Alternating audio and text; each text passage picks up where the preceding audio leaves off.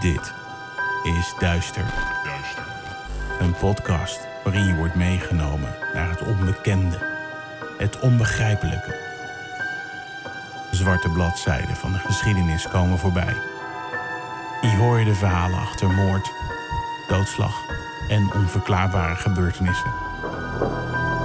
We kruipen in de hoofden van een serie moordenaars, heksen, mythische wezens.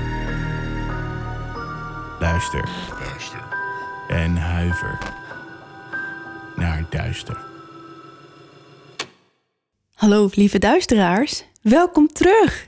Bij de special en ik ben er weer. Yay! Hoe gaat het met je? Goed hoor. Ben je weer opgeknapt? Ja, ik heb het ergste in ieder geval gehad. Ja, Dus ehm, het was niet leuk. Eh, je gaat Het, alweer. ik ga alweer. Ehm, maar nee, het gaat weer beter. Ja, want je hebt corona gehad, Ja. maar het hele gezin was geveld, begreep ik. Ja, ja we waren met z'n allen erg ziek. Dus ehm, Niet de milde variant, helaas. nee, volgens mij hebben wij net het laatste staartje Delta meegepakt. Oh, dus, jippie. eh, ja, dus ik kan niet zeggen dat het erg leuk was. Nee, dat geloof ik. Maar we zijn er allemaal weer. Ik ben er weer. Het spook heeft super goed voor me ingevallen, hoorde ik. Absoluut. Ja hoor. Ehm, dus ik ben blij dat we het zo in ieder geval konden oplossen. En dat jullie toch nog een aflevering hadden. En ja, nu is het tijd voor de special. Ja, eindelijk. Jullie hebben er lang op moeten wachten. Ja, nog langer dan anders. Ja, maar nu, vandaag, gaat hij eindelijk komen. Ja. En wat wordt die leuk? Hij wordt heel leuk. Ik heb er zoveel zin in. ik ook. Hij heeft veel voorbereidingstijd gekost, maar ik hoop dat hij het helemaal waard is. Dat hoop ik ook. En ik wilde iedereen nog heel erg bedanken voor alle beterschapswensen die jullie me gestuurd hebben. En alle felicitaties voor mijn verjaardag. Ja, niet alleen de jouwe, maar ook de mijne. Ook de jouwe, ja. En dan moet ik gelijk even ehm, een kleine rectificatie. Oh ja? Ja, Oh ja. Daphne, ik weet al wat je gaat zeggen. eh, laatst een voorstelrondje gedaan van ons op Instagram. Met feitjes en zo. En een van de feitjes was mijn leeftijd. Ehm, daar stond dat ik 33 ben. Mhm. Dat ben ik niet meer, Nee. want ik was jarig. Ja. Maar dat zat nog niet helemaal in je systeem. Nee joh, dat duurt altijd even. Ja, Ik zei al, je krijgt van mij een jaar gratis, maar dat je het nu toch zelf aankaart. I know, maar anders wordt het zo gek als ik dan volgende keer in één keer Weer vijf- 34 Ja, wordt. Ja, ja, dan gaat er iets mis. Dus nee, heel erg bedankt allemaal. Ja, nou hetzelfde voor mij natuurlijk, dank jullie wel. En waar ik jullie allemaal ook nog voor wil bedanken, is dat sommigen van jullie ook nog hebben gestemd op een Gouden Podcast Award. En ja, daar hebben we dit jaar niks mee gedaan, want we wisten natuurlijk al dat we op vakantie gingen en dat we het niet actief konden ehm, ja, delen met jullie. Maar volgend jaar doen we gewoon weer lekker mee en dan eh, hopen we dat we nou, misschien weer, wel weer kans maken. Ja, ook van mij heel erg bedankt. ja. het was heel leuk, want uiteindelijk zijn we nog redelijk hoog geëindigd. Ja, op de negentiende plek. Op de negentiende plek. Ja, Zonder dat we zelf dus jullie opgeroepen hebben om eh, te stemmen. Dus dat is, ja, betekent dat toch best wel veel mensen uit zichzelf gestemd hebben. Ja. Dus dank jullie wel daarvoor. Voordat we gaan beginnen, vandaag ook nog even ons reclamemoment van Storytel. En daarvoor heb ik tam tam tam het spook bij me. Ja, Kim heeft even plaats gemaakt voor mij. Want ik wil ook graag even mijn ervaring met Storytel met jullie delen. Ja jongens, we hebben hem eindelijk gestrikt. Ja, want ik had hun boek al gekregen van jou, Daf. Maar ik heb het nu ook geluisterd. Het gaat om het boek van Man, Man, Man, de podcast. Ingesproken door de heren zelf. Want net zoals de podcast bevat dit boek openhartige gesprekken over van alles en nog wat. Het geeft een inkijkje in hoe de moderne man zichzelf tegenwoordig ziet en hoe mannelijk hij eigenlijk denkt te zijn. De mannen voelen geen enkele gêne om te praten over hun emoties en bespreken alles wat hen bezighoudt.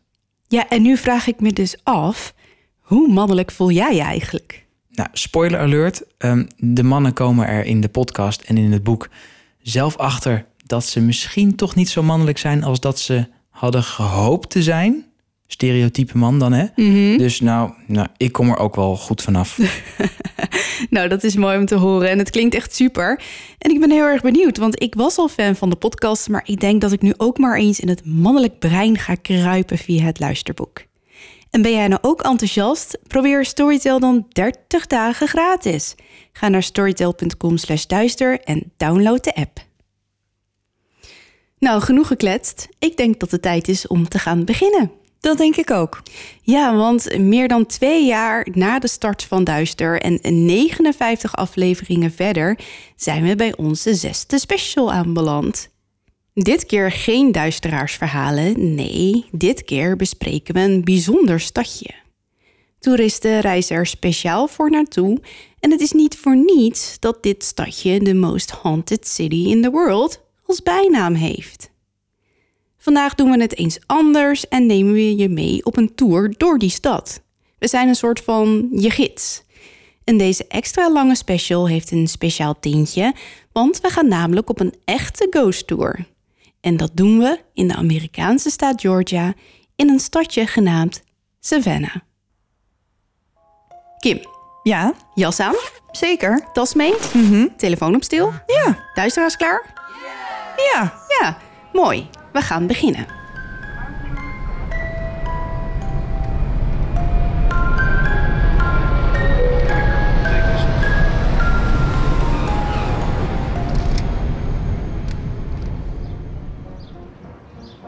Savannah, ook wel de gastvrouw van het zuiden genoemd, is een van de oudste steden in Georgia en heeft een lange en kleurrijke geschiedenis. Liefkozend wordt ze Old Beauty genoemd, ofwel een oude schoonheid. Een die met gratie ouder wordt. Voor we onze city tour beginnen, vertellen we je, zoals dat hoort, eerst wat over de geschiedenis van de stad. We staan midden in het historisch district in het centrum van de stad. Dit is de plek waar de nederzetting Solomon's Lodge voor het eerst voeten in de aarde krijgt.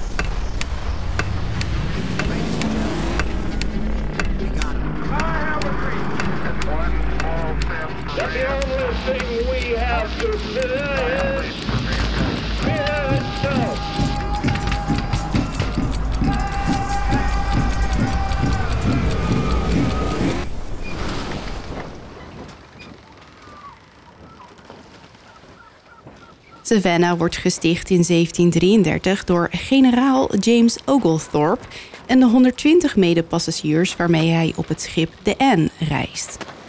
De rivier, de Savannah, blijkt te ondiep en het schip kan niet meer verder. De passagiers besluiten om dan maar aan land te gaan. Het land wat ze betreden behoort op dat moment toe aan de indianenstam Yamacraw, geleid door opperhoofd Tomochichi. Tomochichi verwelkomt de kolonisten vreedzaam en staat hen toe een nederzetting te stichten. James Oglethorpe laat zich dat geen twee keer zeggen en noemt zijn dorpje Solomon's Lodge en later de Lodge of Savannah, naar de dichtbij gelegen rivier. Het dorpje ligt op een zeer strategische plek, wat direct de handels- en diplomatieke betrekkingen verbetert. De vreedzame samenwerking met de Indianen werpt vruchten af voor de kolonisten, want ze blijken sterk afhankelijk van hun hulp. Ze leren van hen om van het land te leven en vertrouwd te raken met de omgeving. Opperhoofd Tomochichi vergezelt James Oglethorpe zelfs op enkele reizen terug naar Engeland en ontpopt zich tot bemiddelaar voor zijn volk onder de Britse elite. Samen stellen hij en James verdragen van vriendschap en handel op, wat het voor de Engelsen erg aantrekkelijk maakt om Savannah tot stad te laten uitgroeien. Er wordt een stadsplan ontworpen dat vanuit militair oogpunt voordelig is, omdat het de verdediging gemakkelijk zal maken tegen de Spanjaarden vanuit het zuiden en tegen potentieel vijandige Indianenstammen in het noorden. De stad krijgt een reeks pleinen en straten in een rasterpatroon. Elk plein heeft een kleine gemeenschap van kolonisten eromheen en aparte percelen worden gewijd aan gemeenschappelijke gebouwen. Alle families die de nieuwe stad komen bewonen, krijgen 50 hectare land toegewezen die ze naar eigen inzicht mogen verbouwen. Ideaal, want zo profiteren ze van de veiligheid van de stad, maar kunnen hun land bewerken voor voedsel en andere levensmiddelen. Savannah groeit en bloeit, maar er komt een einde aan in december 1778, wanneer ze tijdens de Amerikaanse Revolutie onverwacht veroverd wordt door het Britse leger. Een jaar later komt ze in handen van de Fransen. Zij slagen er echter niet in om haar te houden en het beleg wordt in oktober 1779 opgeheven. Daarna valt Savannah weer onder de Britse vlag tot juli 1782. Na de Amerikaanse Revolutie bloeit de stad weer op, maar wordt door een brand in 1796 compleet in de as gelegd. De brand begint op 26 november en woedt zeker twee volle dagen. Bijna alle huizen en gemeenschappelijke gebouwen worden verwoest. Er wordt begonnen aan de wederopbouw en langzaam krabbelt Savannah weer op. Maar in 1820 krijgen de inwoners opnieuw een zware brand te voortduren. Deze brand begint op 11 januari en woedt opnieuw enkele dagen, waarbij grote schade ontstaat. En alsof dat nog niet genoeg ellende is, raast er een epidemie van gele koorts door de gemeenschap, die voor veel doden zorgt. Ondanks deze rampen blijft Savannah groeien in de 19e eeuw. In 1840 telt de bevolking al zo'n 11.000 inwoners. In 1860 is dat aantal gestegen tot 28.000. Tijdens de Amerikaanse burgeroorlog krimpt dat aantal enorm wanneer de stad meerdere keren wordt veroverd. Iets wat voor veel geweld en bloedvergieten zorgt.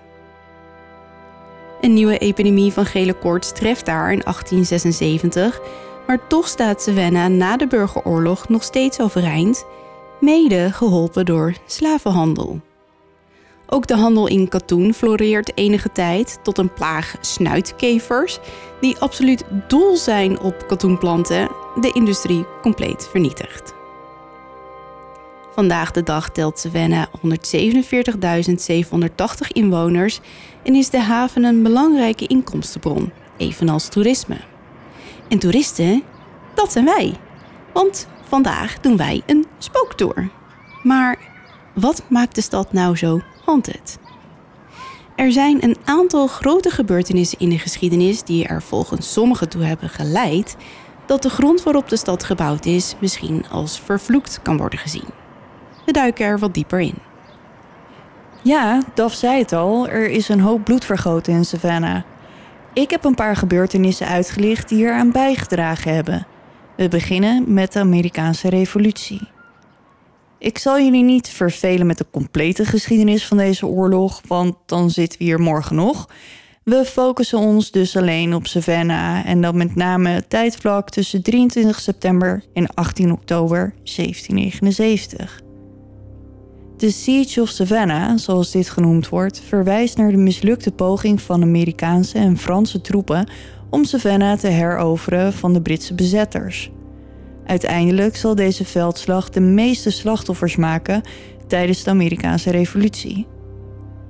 De troepen aan de kant van de Amerikanen bestaan uit zee- en landstrijdkrachten onder leiding van graaf Charles Henri d'Estaing van Frankrijk. Ik Oh. heb hier op geoefend. Nou, hij ging heel soepel. Ieren onder het bevel van kolonel Arthur Dillon, een cavalerie-eenheid genaamd Pulaski's Region, onder leiding van de Poolse aristocraat Casimir Pulaski. En dan valt er nog een gedeelte onder generaal Benjamin Lincoln. In totaal gaat het om zo'n 7000 mannen. Goed, dat waren een hoop namen. Nu naar de Britse kant. De Britse troepen, die ongeveer half zo groot zijn als de Frans-Amerikaanse kant, vallen onder generaal Augustin Prevost.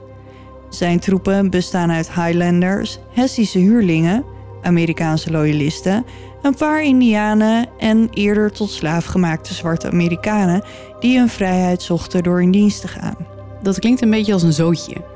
Ja, het is een beetje een mengelmoesje van. eh, Vrijgevochten. Ja, Mannen. zoiets. Ja, ja. Tegen het einde van 1778 komen de Britse leiders tot de conclusie dat de oorlog in het noorden van Amerika in een padstelling terecht is gekomen en ze besluiten de focus van de oorlog naar het zuiden te verschuiven. Ze geloven dat hier een groot aantal trouwe aanhangers van de Londense regering verblijven en daar willen ze een voordeel mee doen. Hun poging om in 1776 Charleston in te nemen is mislukt, dus ze besluiten het nu in de kleinere havenstad Savannah te proberen. Op 29 december 1778 veroveren 3000 mannen onder leiding van luitenant-generaal Archibald Campbell Savannah.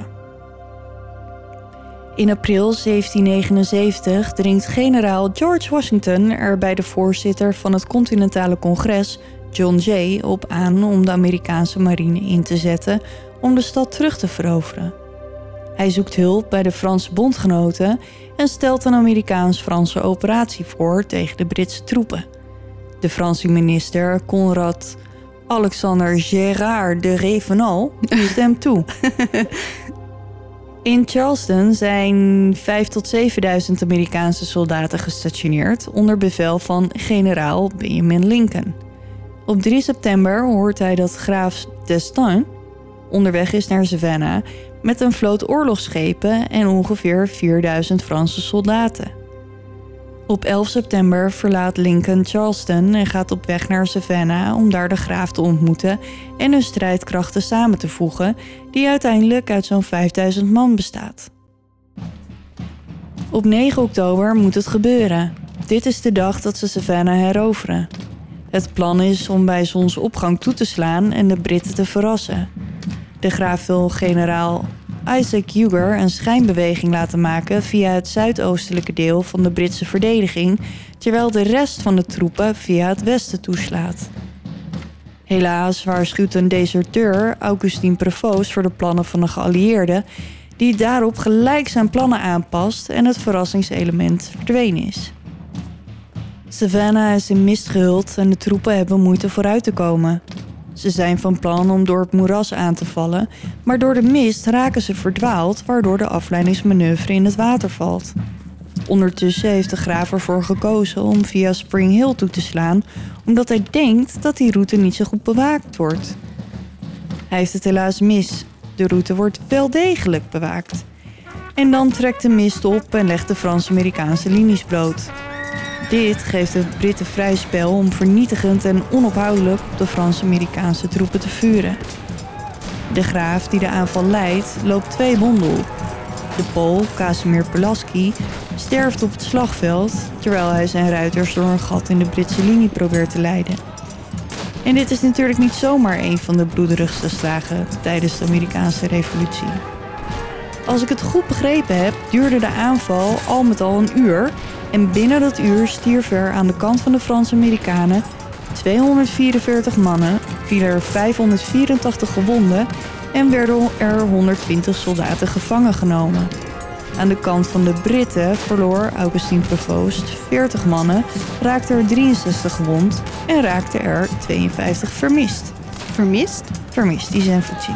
Oh, Ja, gevlucht misschien of zo. Ja, of misschien hebben die zich bij het andere leger aangesloten. Dat kan ook nog, ik weet het niet. Of zijn blijven zitten in een moeras. Geen, geen idee. Goed, dat was de Amerikaanse revolutie. En dan gaan we verder met de gele koortsepidemie. Een ziekte die duizenden slachtoffers maakte. In de 18e en 19e eeuw zijn veel kuststeden in het zuiden van Amerika vatbaar voor uitbraken van gele koorts. Het duurt heel lang voordat ze erachter komen dat gele koorts wordt veroorzaakt door een mug, de Aedes aegypti. Deze mug is ook verantwoordelijk voor het verspreiden van onder andere knokkelkoorts en het Zika-virus. De mensen hadden geen idee hoe ze aan de ziekte kwamen. Pas aan het einde van de 19e eeuw wordt ontdekt dat muggen de ziekte overdragen. Tot die tijd denken ze dat de ziekte besmettelijk is en blijven uit de buurt van de zieke in de hoop zo de ziekte op afstand te houden. Er wordt gedacht dat het iets te maken heeft met de schepen vol slaven die de haven van Savannah binnenkomen vanuit West-Afrika. En ze zitten er niet helemaal naast. Inmiddels weten we dat gele koorts zijn oorsprong vond in West-Afrika. Echter was de eerste echte uitbraak in Zuid-Amerika in de 16e eeuw. In de eeuwen die volgen zijn er steeds nieuwe uitbraken. Na een tijdje ontdekken ze een patroon. Een nieuwe uitbraak begint meestal in de zomer. En als de winter aanbreekt en ze de eerste nachtvorst gehad hebben, stoppen de uitbraken. Ze leggen niet direct een link met de dalende temperatuur, maar ze weten wel, zodra de winter komt, zal het snel voorbij zijn. In 1937 wordt er pas een vaccin ontdekt. Maar wat zijn de symptomen eigenlijk voor gele koorts? Het ziektebeeld varieert van milde, griepachtige klachten met koorts en geelzucht, omdat de ziekte de lever aantast en ergere klachten zoals bloedingen. Echt zieke mensen kunnen zelfs in een coma terechtkomen en overlijden. Deze symptomen brengen nog een probleem met zich mee. Als mensen in een coma raakten, kon het gebeuren dat hun hartslag enorm vertraagde. Zo erg dat het soms lijkt alsof het hart niet meer klopt en ze ademen zo oppervlakkig dat het lijkt alsof ze gestopt zijn met ademen. En wat gebeurde er dan? Ze werden doodverklaard. Oh-oh. Doodverklaard en begraven. Volgens Dr. R. Waring overlijden er tussen 1807 en 1820 bijna 4000 mensen aan de gele koorts. En dan denk je misschien, nou, dat valt eigenlijk nog best wel mee. Maar op 15 september 1820 zijn er nog maar 1500 van de oorspronkelijke bewoners over. Dat waren er 5000. Oh, dat is niet zo mooi. Nee, dat eh, ja, heeft veel slachtoffers gemaakt. Ja. Van de gele koorts gaan we verder met de Native Americans. Lang voordat de kolonisten in Georgia terechtkomen, wordt het land al duizenden jaren bewoond door inheemse volkeren. De laatste van hen was de Yamacraw-stam. Zij bewoonden het land toen James Oglethorpe en de Engelsen in 1733 arriveren. De Yamacraw vestigen zich op de Yamacraw Cliff en de grote oever aan de rivier de Savannah. De oever is de locatie van een Muskogee-begraafplaats en de Yamacraw geloven dat de botten van hun voorouders de overblijfselen van hun geest bevatten. Kort na de komst van Oglethorpe vertrekt de Yamacraw-stam en sluit zich bij een andere, grotere stam aan. Tegenwoordig ligt Yamacraw Bluff volledig in het centrum en de historische wijk, waardoor een groot deel van Savannah bovenop een Muskogee begraafplaats ligt. De Yamacraw hadden ook twee begraafplaatsen voor hun eigen stam. Op de een is een taverne gebouwd en bovenop de ander ligt een parkeerplaats. Oh, Ja, hoe oneerbiedig. ja. Over oneerbiedig gesproken. De slavernij. Oh god. Ja. Slavernij speelt een grote rol in de geschiedenis van Georgia. In de eerste instantie is het bezit van slaven verboden als James Oglethorpe Savannah sticht. Ondanks dit verbod hebben de kolonisten er geen moeite mee om slaven uit South Carolina te lenen. Hm, natuurlijk niet. Ja, want lenen is tenslotte iets anders dan bezitten. Tuurlijk. toch? Ja, Ja. nee, ja, absoluut. Mhm. Deze slaven maken het land vrij, verzorgen het vee en werken op boerderijen. Tegen het einde van 1740 worden slaven uit South Carolina openlijk verkocht in Savannah en op 1 januari 1751 wordt het houden van slaven legaal gemaakt in de hele staat Georgia. Tijdens de eerste 15 jaar na de legalisering van de slavernij komen er bijna geen slaven rechtstreeks uit Afrika. De meeste slaven in de staat zijn tussen haakjes doorgewinterde slaven uit West-Indië of komen via South Carolina in Georgia terecht. Op een gegeven moment beginnen plantagehouders te geloven dat de slaven die elders onbruikbaar werden bevonden, bij hen gedumpt werden. Tegen 1765 beginnen de plantagehouders hun eigen directe verbinding met Afrika Ja, natuurlijk. om zo goede slaven naar Georgia te halen. Het is toch niet te geloven. Nee. De reis over de Atlantische Oceaan van West-Afrika naar Savannah duurt tussen de vier en zes maanden. Je kan je waarschijnlijk wel voorstellen hoe de omstandigheden op zo'n schip waren. Vier tot zes maanden. Ja. Mijn god. Ja, en omdat de reis zo lang duurde en iedereen zo dicht op elkaar leefde, verhoogde het de kans op infectieziekten. Naast de rest van de ellende. Mhm. Om de verspreiding van die ziektes in Savannah te voorkomen, wordt er toestemming gegeven om een lazaretto te bouwen op Tybee Island. Jij hebt al een keer over lazaretto's gehad in eh, Ja, eh, de short. de short. Van ja. Island. ja. Maar nog even in het kort, lazaretto is het Italiaanse woord voor pesthuis. Voordat de slaven Savannah binnen mogen, worden ze in quarantaine geplaatst op Tybee Island, waar een arts hen onderzoekt en vaststelt of ze een besmettelijke ziekte hebben. Als een slaaf ziek is, moet hij of zij op het eiland blijven. Worden ze zo ziek dat ze sterven, dan worden ze begraven aan de westkant van het eiland. Eenmaal in Savannah hebben de slaven niet dezelfde rechten als de witte Amerikanen. Al sinds het koloniale tijdperk worden kinderen geboren uit tot slaafgemaakte moeders als eigendom beschouwd, gedoemd om in de voetsporen van een moeder te treden.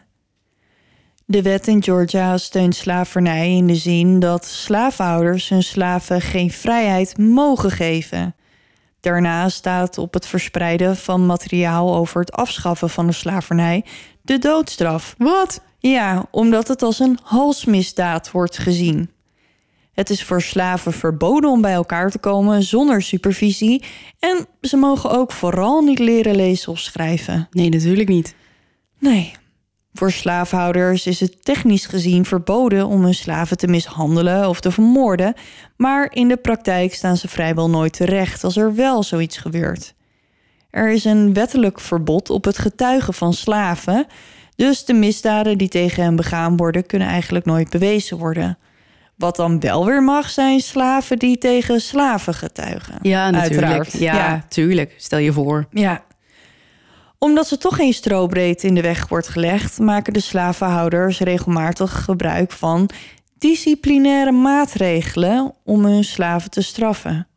Ze hoeven tenslotte niet bang te zijn dat ze een aanklacht aan hun broek krijgen en in de gevangenis zullen belanden. Ze nemen hun toevlucht tot een reeks fysieke en psychologische straffen. Zo gebruiken ze zwepen, houten balken, laarzen, vuisten en zelfs honden.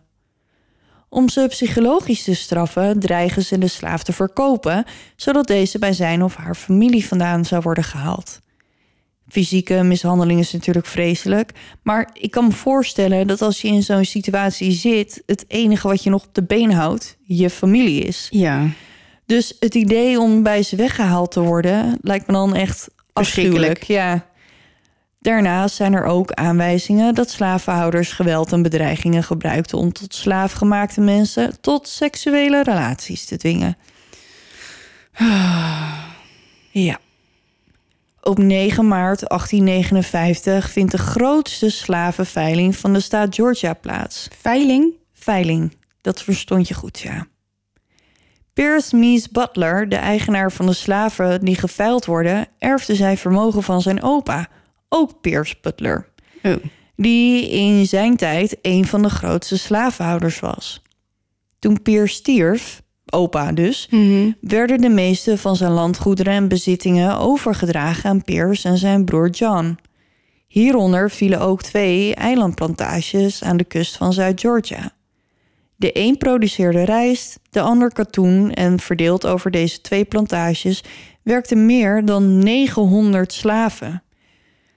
Pierce is een losbandige man en hij doet regelmatig risicovolle investeringen met zijn erfenis en bouwt in de loop van de jaren een enorme gokschuld op. Hij is blijkbaar verslaafd aan kaarten. Uiteindelijk nemen curatoren het heft in handen om te proberen de schade te beperken en de schulden weg te poetsen. Hiervoor verkopen ze verschillende eigendommen van Pierce. Waaronder dus de slaven. Nou, niet in de eerste instantie, want ze gaan eerst dus beginnen met spullen en andere dingen. Als ze er in 1859 nog steeds niet in geslaagd zijn om Pierce uit de schulden te krijgen, gaan ze over op drastischere maatregelen. Ze besluiten de, tussen haakjes, roerende goederen op de plantages te verdelen tussen Pierce en zijn broer John. De ene helft van de slaven wordt toegewezen aan John en ze besluiten de andere helft van de slaven te verkopen op een veiling om wat geld voor Pierce in het laadje te brengen. Dat brengt ons bij 9 maart 1859. De veiling vindt plaats op de racebaan zo'n 5 kilometer buiten Savannah. En dan bedoel ik een racebaan voor paarden. Er zullen 460 slaven verkocht worden. Mannen, vrouwen, kinderen, zelfs baby's. In de weken voor de veiling doet het verhaal over de veiling als een lopend vuurtje de ronde door heel Georgia en daarbuiten.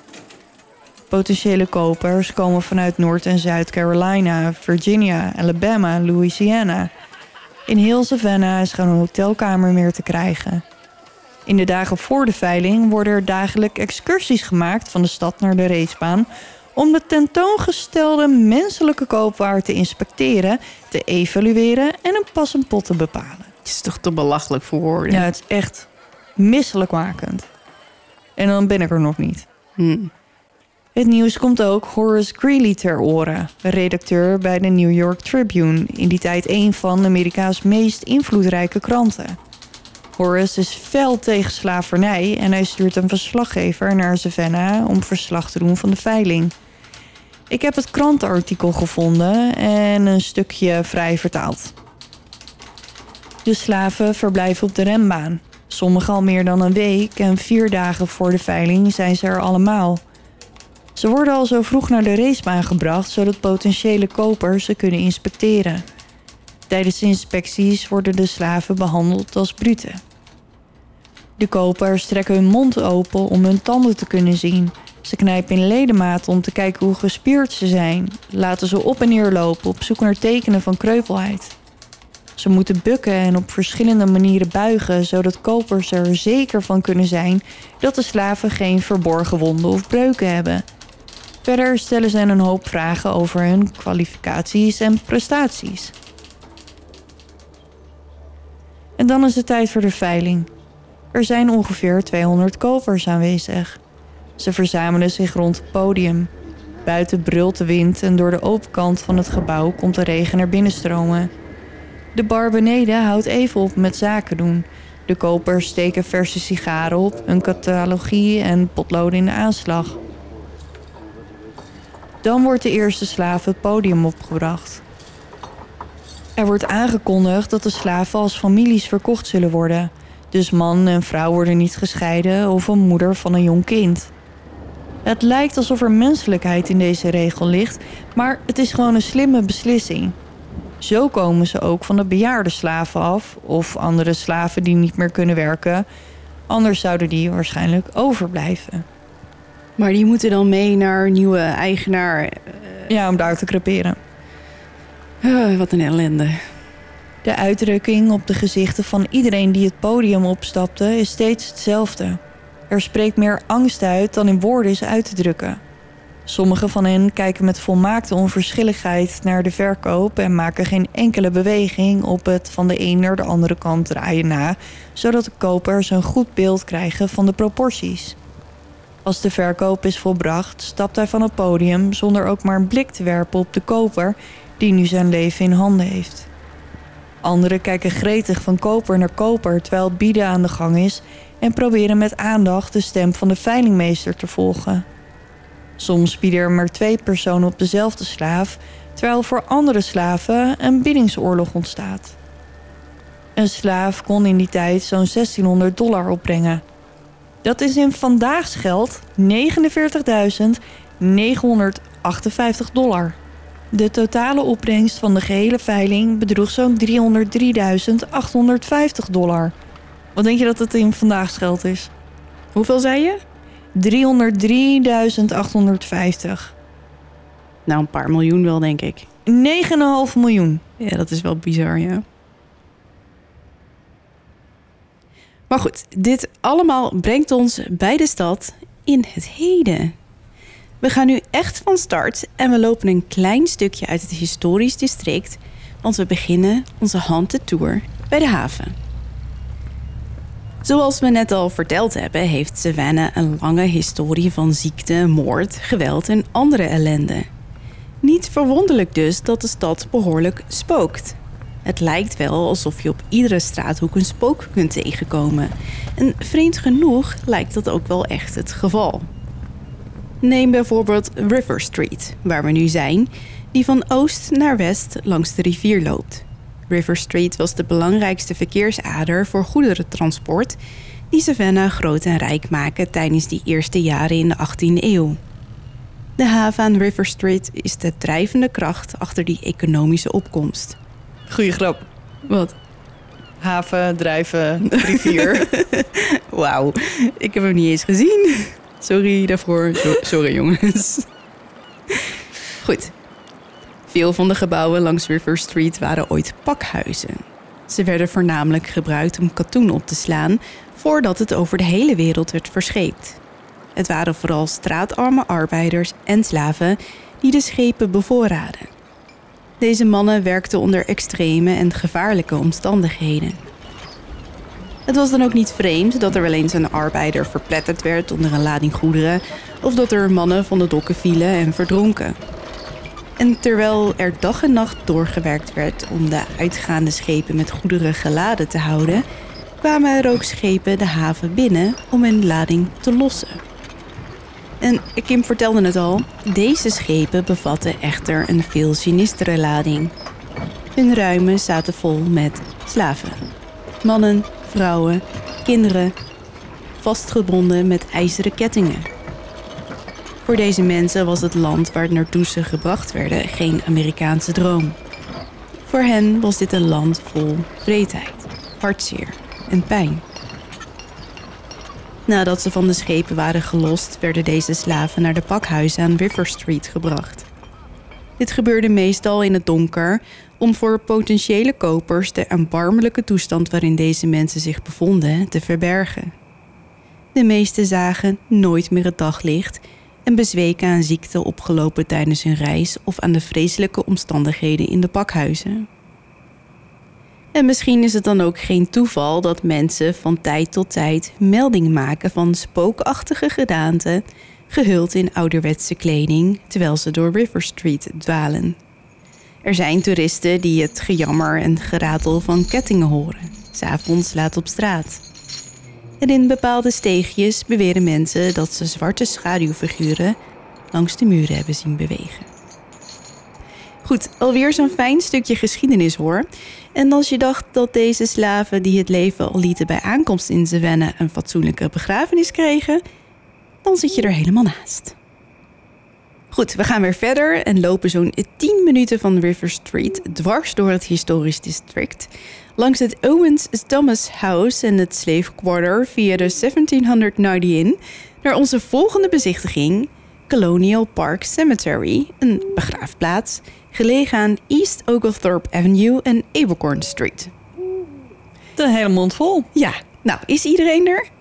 Mooi. Ja. De meeste... Wat? Oh, ja, het vlaggetje even omhoog, ja. Oh ja. Als je er bent, moet je even je vlaggetje laten zien. Mooi. De meeste slaven die stierven werden in drassige stukken land buiten de stad in de grond gestopt. Er zijn enkele formele begraafplaatsen uit de 18e eeuw, maar die zijn tegenwoordig allemaal bedekt. Of er is bovenop gebouwd, zoals Kim al zei, of ze zijn volgestort met cement. De gewoonte om over de doden te bouwen heeft Savannah de bijnaam de stad die op haar doden leeft opgeleverd. Een van de oudste begraafplaatsen is dus Colonial Park en bevindt zich in de zuidwestelijke hoek van Wright Square, waar we straks ook nog naartoe gaan. Binnen de 6 hectare land die deel uit te maken van Colonial Park zijn er meer dan 10.000 mensen begraven. Maar geen grapje, je vindt er maar zo'n 1000 grafstenen. Veel overleden slaven werden bij elkaar gegooid in massagraven. Van degenen die wel een eigen graf kregen, werden hun grafstenen omvergeworpen uit haat en nijd of met de tijd gewoon vernietigd. Veel mensen geloven dat deze ontheiliging van de begraafplaats zorgt voor spookachtige activiteiten en die worden ervaren op Colonial Park. Kan het ze niet kwalijk nemen. Nee. Wat ook niet zal helpen, is dat er in de afgelegen plekjes van de begraafplaats vrij vaak overblijfselen van voodoo-rituelen gevonden worden. Voodoo was en is een veel voorkomende religie in Savannah en omstreken. Er zijn rituelen bekend waarbij er aarde van de begraafplaats gebruikt werd en soms werden zelfs lichamen opgegraven voor het gebruik van hun potten. Goed. Mhm. Mm. Een ander gerucht is dat de uiterste hoek van de begraafplaats ooit een duelleerplek was. Mannen kwamen daar om hun geschillen uit te vechten.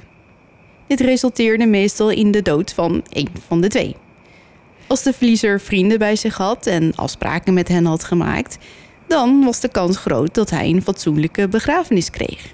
Waren er geen vrienden of afspraken, dan bleef het dode lichaam gewoon liggen. Zoals jij al eerder vertelde, Kim, zijn er meerdere uitbraken van gele koorts geweest. Al die doden worden uiteindelijk wel begraven en de meeste op Colonial Park. Het park zelf is een mooie, maar een beetje een onheilspellende plek. Naast de vele verzakte en half weggespoelde graven zijn er ook prachtige tombes te vinden. Van sommige van deze tomben is bekend dat ze aan de binnenkant op de deur bekrast zijn. Tekenen van iemand die probeerde eruit te komen. En dus het resultaat is van een te vroeg begraven persoon. In de dagen van een uitbraak van gele koorts bestond er vaak weinig tijd tussen het sterven van meerdere familieleden. En soms stierven complete gezinnen binnen een week. En het is natuurlijk een angstaanjagende gedachte om te beseffen dat families een geliefde levend hadden begraven. Maar het kan nog erger. Ik kan, me niet, ik kan het me niet voorstellen. Jawel. Oké, stel je nu eens voor dat je de nachtwaker op de begraafplaats bent. Het is de 18e eeuw en je weet dat het er s'nachts gevaarlijk kan zijn. En je draagt je pistool, je knuppel, een olielamp. En je hebt altijd je schep bij je. Oh, ik dacht dan een kruis. Nee, je dwaalt met je lamp in je handen langs de donkere graven en spookachtige tombes. Maar plots hoor je een geluid. Ergens in de duisternis. Oh god. Je grijpt je schep en je rent op het geluid af. Iemand die begraven is, is nog in leven. En het touwtje dat om zijn of haar pols gebonden is, laat de bel boven het graf rinkelen als een gek. Snel duw je je schep in de grond en begint te graven en te graven en te graven. Totdat je schep op iets hard stuit. Een houten kist. Je springt er bovenop en met de punt van je schep wip je de deksel open. En dan reik je je hand uit. En je wordt bijna in de kist getrokken door iemand die volledig in paniek is. Snel help je diegene omhoog en klim je in het pikkerdonker het graf uit. Hijgend veeg je je voorhoofd af, terwijl je voorovergebogen op je knieën leunt. Dit was me de avond wel. Dus, waar gebeurt of niet? Ja. ik, ik, ik, ik sta zo naar dat kerkhof te kijken en ik zie dat gewoon zo gebeuren. ja, dat eh, kan ik me voorstellen. Nou ja, ik weet het niet of het waar gebeurd is of niet. Er gaan verhalen rond dat dit vaak gebeurde, maar ja, niemand kan het bewijzen. En al zal je dat niet verwachten, maar zoals Kim al vertelde, was het soms best lastig te constateren of iemand daadwerkelijk overleden was aan de gele koorts, of alleen maar in coma lag en dus per ongeluk was doodverklaard en daarna dus Levend begraven. Dat Colonial Park een plek is waar het spookt, is dus niet verwonderlijk. Er zijn verhalen van toeristen die een groene mist boven grafstenen hebben zien zweven. Het schijnt ze zelfs te achtervolgen. Anderen zien donkere schaduwen met oplichtende ogen van achter grafstenen naar ze loeren. Een ander bekend verhaal is dat van René Randelier. Er is alleen een probleem met dit verhaal. Het valt namelijk nergens te verifiëren. Oh, dat zijn Er wel de betere verhalen. Ja, ja. Er zijn dus geen gegevens bekend van ene René. En niemand kan dus met zekerheid zeggen of hij echt bestaan heeft. Maar toch kent iedereen René Randelier. René Ash Randelier was een van de meest beruchte en gevaarlijkste inwoners van Savannah. Hij zou een kolossale man geweest zijn van 2 meter lang en droeg altijd een smoezelige bontjas. Zijn aanwezigheid was onaangenaam en zijn vredig gedrag verontrustte de inwoners van de stad. René woonde naast het kerkhof in een bouwvallig huisje. Niemand wilde in zijn buurt wonen, want huisdieren en andere dieren van buren martelde hij opzettelijk om ze daarna te doden. Er wordt gezegd dat zijn immense kracht volledig buiten zijn controle lag. Zijn intimiderende lengte maakte de inwoners van Savannah ongerust en meerdere malen werd geprobeerd om zijn gewelddadige gedrag te stoppen. Volgens het verhaal werd er zelfs een muur gebouwd om René in zijn huis te houden. Hij wist echter te ontsnappen vanwege zijn enorme lichamelijke kracht. Geen muur was groot genoeg om René's vrede karakter te beheersen. Uiteindelijk begon René mensen te martelen. Hij ontdekte dat zijn grote handen perfect om de nek van kleine kinderen pasten. Naar verluid zou hij hen doden en hun lichamen naar de tunnels brengen die toen der tijd onder Colonial Park Cemetery doorliepen. Op een dag vonden enkele inwoners twee meisjes met een gebroken nek, net buiten de begraafplaats. René was er echter niet in geslaagd om zijn sporen uit te wissen en zijn grote voetafdrukken werden gevonden in de buurt van de lichamen. Het was voor iedereen duidelijk dat de gigantische moordenaar verantwoordelijk was voor de dood van de twee meisjes. Diezelfde dag ontstond er een klopjacht op René. Hij werd gevangen genomen en naar het moeras gebracht om opgehangen te worden. Er werd besloten dat alleen de dood hem ervan zou weerhouden nog meer levens te nemen. Ze lieten hem voor dood achter, bungelend aan een boom. Maar bizar genoeg werden er meer slachtoffers gevonden in de buurt van de begraafplaats na de executie van René. Was zijn kwaadaardige geest na de dood zo krachtig dat hij zelfs dan nog onschuldige levens kon nemen? Of had zijn immense kracht hem in staat gesteld om zichzelf uit de strop te bevrijden, zodat hij zijn moordpatroon had kunnen voortzetten? Sommige bezoekers van de begraafplaats beweren zijn gigantische silhouet te hebben gespot. Er was zelfs een toeriste die het gevoel kreeg achtervolgd te worden terwijl ze een wandeling over het terrein maakte. Ze hoorde voetstappen die synchroon met de haren leken te gaan en telkens wanneer zij stopte, stopten ook de voetstappen. Toen ze zich op een bepaald moment abrupt omdraaide, zag ze een zeer lange, donkere schaduw zich achter een boom verbergen. Was het René die zich daar achter de boom verstopte? Niemand weet het. Goed, we gaan weer aan de wandel, want het is zo'n vijf minuten lopen via Abercorn Street naar onze volgende locatie. Welkom op 329 Abercorn Street. Dit is het huis van Andrew Lowe. De in 1812 geboren Andrew Lowe verlaat zijn geboorteland Schotland als hij 16 is en gaat op zoek naar avontuur. Andrew is ambitieus en zit bomvol plannen en energie. Er is maar één plek waar hij wil zijn en dat is Amerika. Hij vertrekt naar Savannah en zodra hij daar aankomt, gaat hij bij zijn oom werken, die een katoenfabriek heeft. Hij stort zich vol overgave op zijn werk en doet zijn best om zo snel mogelijk het rijlen en zeilen van de fabriek onder de knie te krijgen. Hij wil de beste werknemer worden die zijn oom ooit heeft gehad. Hij weet het op dat moment nog niet, maar ooit zal hij partner worden in het bedrijf. Na een jaar of tien besluit zijn oom om terug te keren naar Engeland en laat de fabriek achter in de handen van Andrew. Met Andrew aan het roer wordt de fabriek nog succesvoller dan hij al was en de wereld ligt aan Andrews voeten. Hij is nu een jonge man met macht en een hoop geld. Het wordt tijd om een huis te bouwen en te trouwen. Hij trouwt met Sarah Cecil Hunter, die uit een rijke familie komt, en hij droomt nog steeds over het bouwen van zijn eigen huis.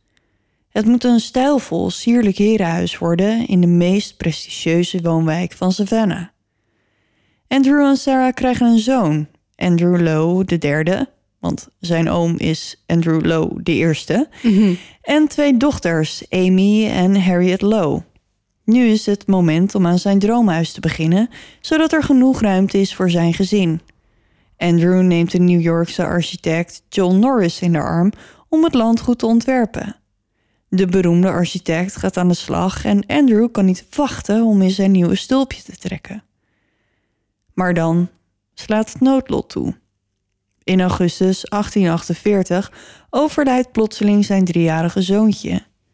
In de maanden die volgen overlijden vlak achter elkaar zijn vader, zijn oom en het ergst van allemaal, zijn vrouw. Oh, Tegen de tijd dat het huis klaar is in 1849 zijn alleen Andrew en zijn twee dochters nog over. jeetje. Dat verwacht je ook niet. Nee, het ging ook echt heel vlug allemaal. Ja. Als hij 42 is, trouwt Andrew met zijn tweede vrouw, de 20-jarige Mary Cooper Stiles. Het paar is dolgelukkig. Ze gaan op huwelijksreis naar Europa en als ze terugkomen zijn ze er klaar voor om in het nieuwe huis te trekken. Al snel krijgt het gezin meer kinderen. Drie dochters, Mary, Katie en Jessie, en een zoon, William McKay. Zoals je ziet druipt het huis van de wilde. De Italiaanse stijl van het huis heeft details uit de Griekse revival, die het verleden naadloos laten samensmelten met het heden. In 1861 breekt de Amerikaanse burgeroorlog uit en Andrew besluit om samen met zijn vrouw naar Engeland te gaan. Wanneer de oorlog is afgelopen, keren ze terug naar Savannah, maar niet voor lang. Savannah is niet meer wat het geweest is. Complete verwoesting is de stad bespaard gebleven, maar heeft wel een klap gehad. Andrew is inmiddels voor de tweede keer weduwnaar. Mary is in 1863 overleden en hij besluit met zijn kinderen terug te verhuizen naar het Verenigd Koninkrijk. Ze komen in Leamington terecht en de jongere kinderen gaan naar uitstekende scholen. De oudere kinderen trouwen. Andrew gaat regelmatig terug naar Savannah om daar vakantie te vieren of zaken te doen. Als hij in de stad is, verblijft hij in zijn eigen huis, het Andrew Low House, dat nog steeds van hem is. Hij overlijdt op 27 juni 1886 in Engeland. Hij wordt in Savannah begraven op de Laurel Grove Cemetery bij zijn twee vrouwen. Wacht, hij overlijdt in Engeland Ja, en hij wordt begraven in Savannah. ja. Dus eh, ze hebben hem gewoon per schip eh, Oké. teruggestuurd. Nou, dat zal eh, lekker geroken hebben aan het einde, denk ik. Ja, ik denk dat hij redelijk ontbonden was het, eh, toen hij aankwam. Wat zeg jij? Godverdamme. Spook. Smerigheid. Het spook zegt, ze hoefden hem alleen nog maar in zijn graf te gieten. Maar goed, hij ligt dus wel begraven met zijn twee vrouwen. Oké. Het huis blijft in de familie. William Lowe trouwt in 1886 met Juliette Daisy McGill Gordon. En ze gaat door het leven als Daisy. Oké. En na de dood van Andrew erven zij het huis. Uiteindelijk verhuisden ze naar Engeland en in 1901 gaan de twee uit elkaar. De scheiding duurde blijkbaar nogal lang, want William overlijdt in 1905 voordat de scheiding rond is. Daisy erft het huis. Ah. In 1911 ontmoet Daisy Robert Baden-Powell, de oprichter van de Boy Scouts. Door hem geïnspireerd en gesteund begint Julia de Girl Scouts vanuit Andrew Low House. Oh, wat leuk. Ja, in 1912 hebben de allereerste Girl Scouts hun eerste bijeenkomst ooit. Al snel groeit het uit tot een bloeiende organisatie waar Daisy jammer genoeg niet lang van heeft kunnen genieten. In 1923 krijgt ze kanker.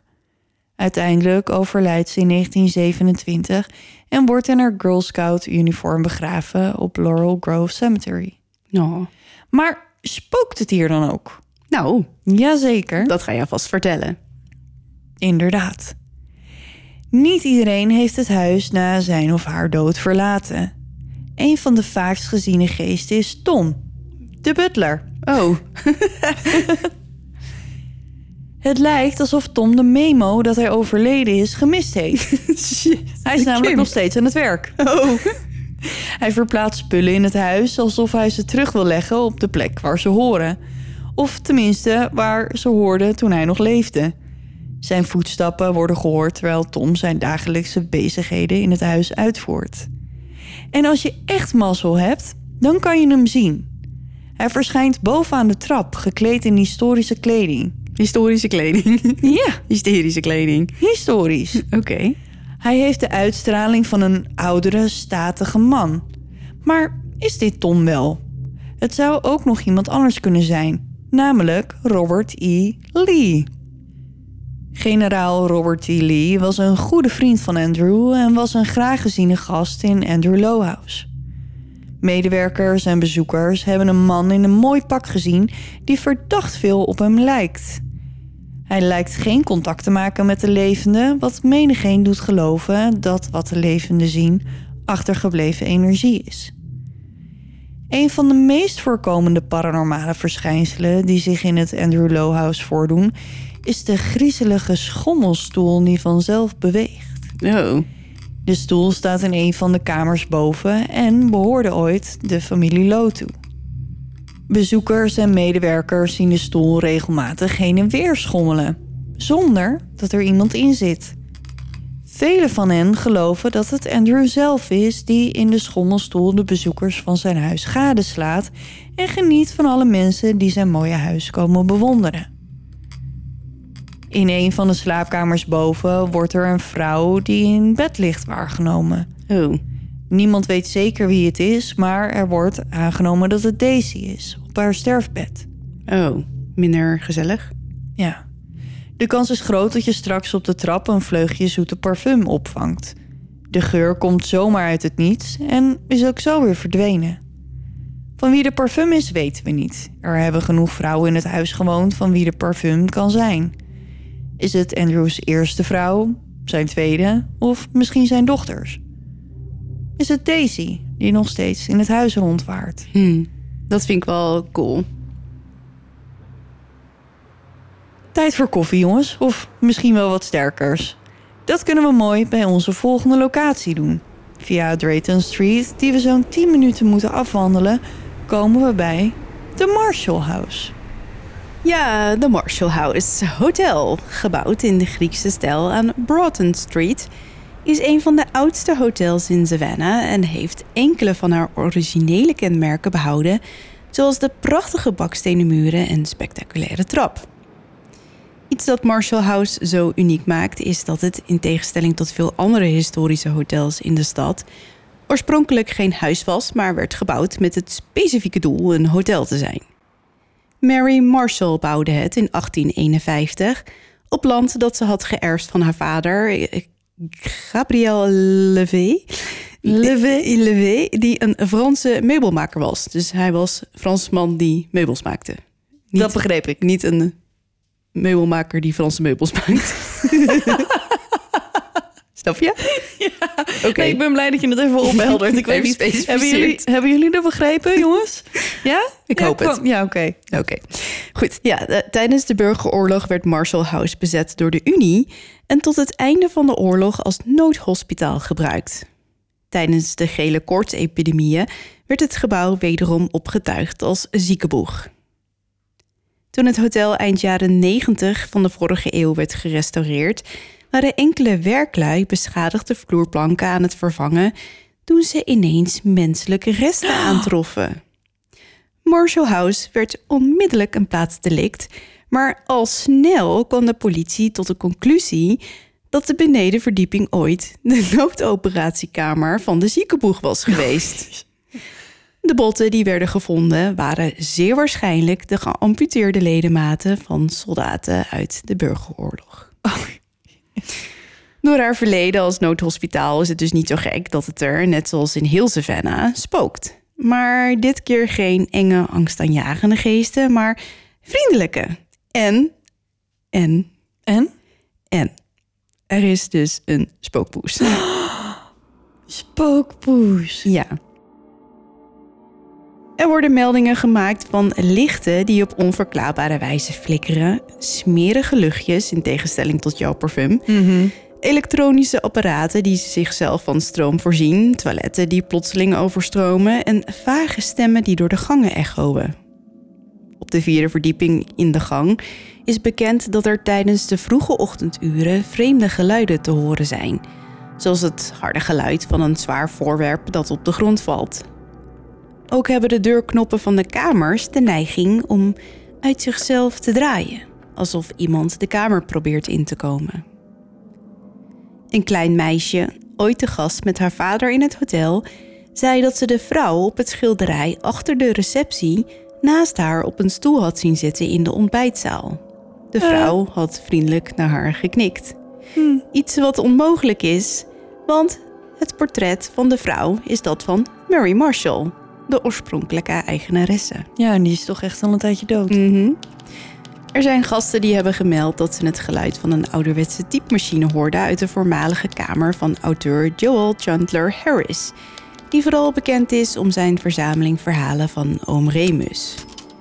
Een ander verhaal is dat van een heer die in de voormalige kamer van diezelfde auteur een boek las bij het raam, toen er plots een dame in het wit op de vensterbank klom en door het dichte raam verdween. Een andere spookachtige mevrouw spookt in het damestoilet. En als je pech hebt, dan doet ze de wc-deur op slot. Wat onaardig. Ja. Maar dan kun je er ook niet meer uit, zeg maar. Ik Dan- weet niet precies hoe. Maar er zijn dus mensen die dan help en dan in Klemt de deur gewoon, klemt de deur en dan open. gaat hij weer open. Nou jongens, als jullie moeten plassen, ik zou het even ergens anders doen. Ja, niet hier, want ja, nou ja, Ja, zometeen zit je opgesloten. precies. Maar ik had het net over vriendelijke spookjes en dan bedoel ik niet Casper, maar wel kinderen. Er zijn talloze verhalen over de verschijningen van kleine kinderen en de geluiden van huilende baby's die regelmatig gemeld worden door gasten. Het is ondertussen algemeen bekend dat de geesten van deze kinderen rondhangen in Marshall House. Aangezien het gelach en de speelse stemmen van de kinderen op elk moment in het gebouw hoorbaar zijn. Soms zijn deze spookachtige kinderen zelfs volledig te zien en ziet mensen springen, rennen en spelletjes spelen in de gang, hun verschijningen als een fysieke vorm. S'nachts zijn er geluiden van knikkers en rubberen ballen te horen die door de gangen rollen, maar wanneer men een kijkje neemt in de hal, valt er niemand te zien. Geen kinderen, geen ballen, geen knikkers. En waardoor menig hotelgast zich heeft afgevraagd of hij zich alles heeft ingebeeld. Maar er is één verhaal over een kind die niet zo vriendelijk blijkt te zijn. Het gaat over een moeder en een zoon die in het Marshall House Hotel verbleven. De moeder van de jongen was in de slaapkamer terwijl haar zoon in de badkamer aan het spelen was en tegen zichzelf leek te praten. Plotseling kwam de jongen naar de kamer gerend en verschool zich achter haar benen. Geschrokken vroeg ze aan haar zoon wat er aan de hand was. Zijn antwoord gaf haar de ijskoude rillingen. Die jongen heeft me gebeten. Wat? Welke jongen? Degene met wie ik aan het spelen was, in de badkamer. Snel parkeerde ze haar kind op het bed en liep op een drafje naar de badkamer, maar zag de jongen over wie haar zoon sprak niet. Ze liep naar het bad met het ouderwetse douchegordijn en trok het met een ruk weg. Niets. Later zagen de twee dat de arm van de jongen een enorme tandafdruk had. Geschrokken vertelde ze het verhaal aan de receptioniste, die hen mededeelde dat er meer gasten waren geweest die een bijtafdruk van een kind hadden gekregen. Bij een van hen zat er zoveel kracht achter dat het een blijvend litteken was geworden. Oké, nou dit spookkind is dus wat minder vriendelijk. Alhoewel het Wat onder minder- kinderen natuurlijk vrij normaal is dat er tijdens het spelen wel eens iets voorvalt, zoals slaan of bijten. Dus dit kind is waarschijnlijk niet een of andere verschrikkelijk kwaadaardig eh, kind, maar zoals kinderen onder elkaar, nou ja, Ja. heb je dat wel eens. En dan de spookpoes. Sommige gasten zeggen dat ze de gedaante van een poes door de gangen zien rennen. Maar wanneer er navraag wordt gedaan, blijkt er helemaal geen verdwaalde poes in het hotel te zijn. Anderen zien s'nachts een kleine gedaante op het bed springen. Of voelen een druk langs hun onderbenen vlijen, alsof een dier kopjes geeft. En er schijnt zelfs een videoopname van de kat te zijn, maar die kan ik echt nergens, vinden. Super jammer. Als ik hem ooit nog tegenkom, zal ik hem delen. En ik wil nog even zeggen dat als ik dan toch ooit een keer in mijn leven in contact moet komen met het paranormale, dan heb ik besloten dat ik naar de Marshall House wil om de spookpoes te zien.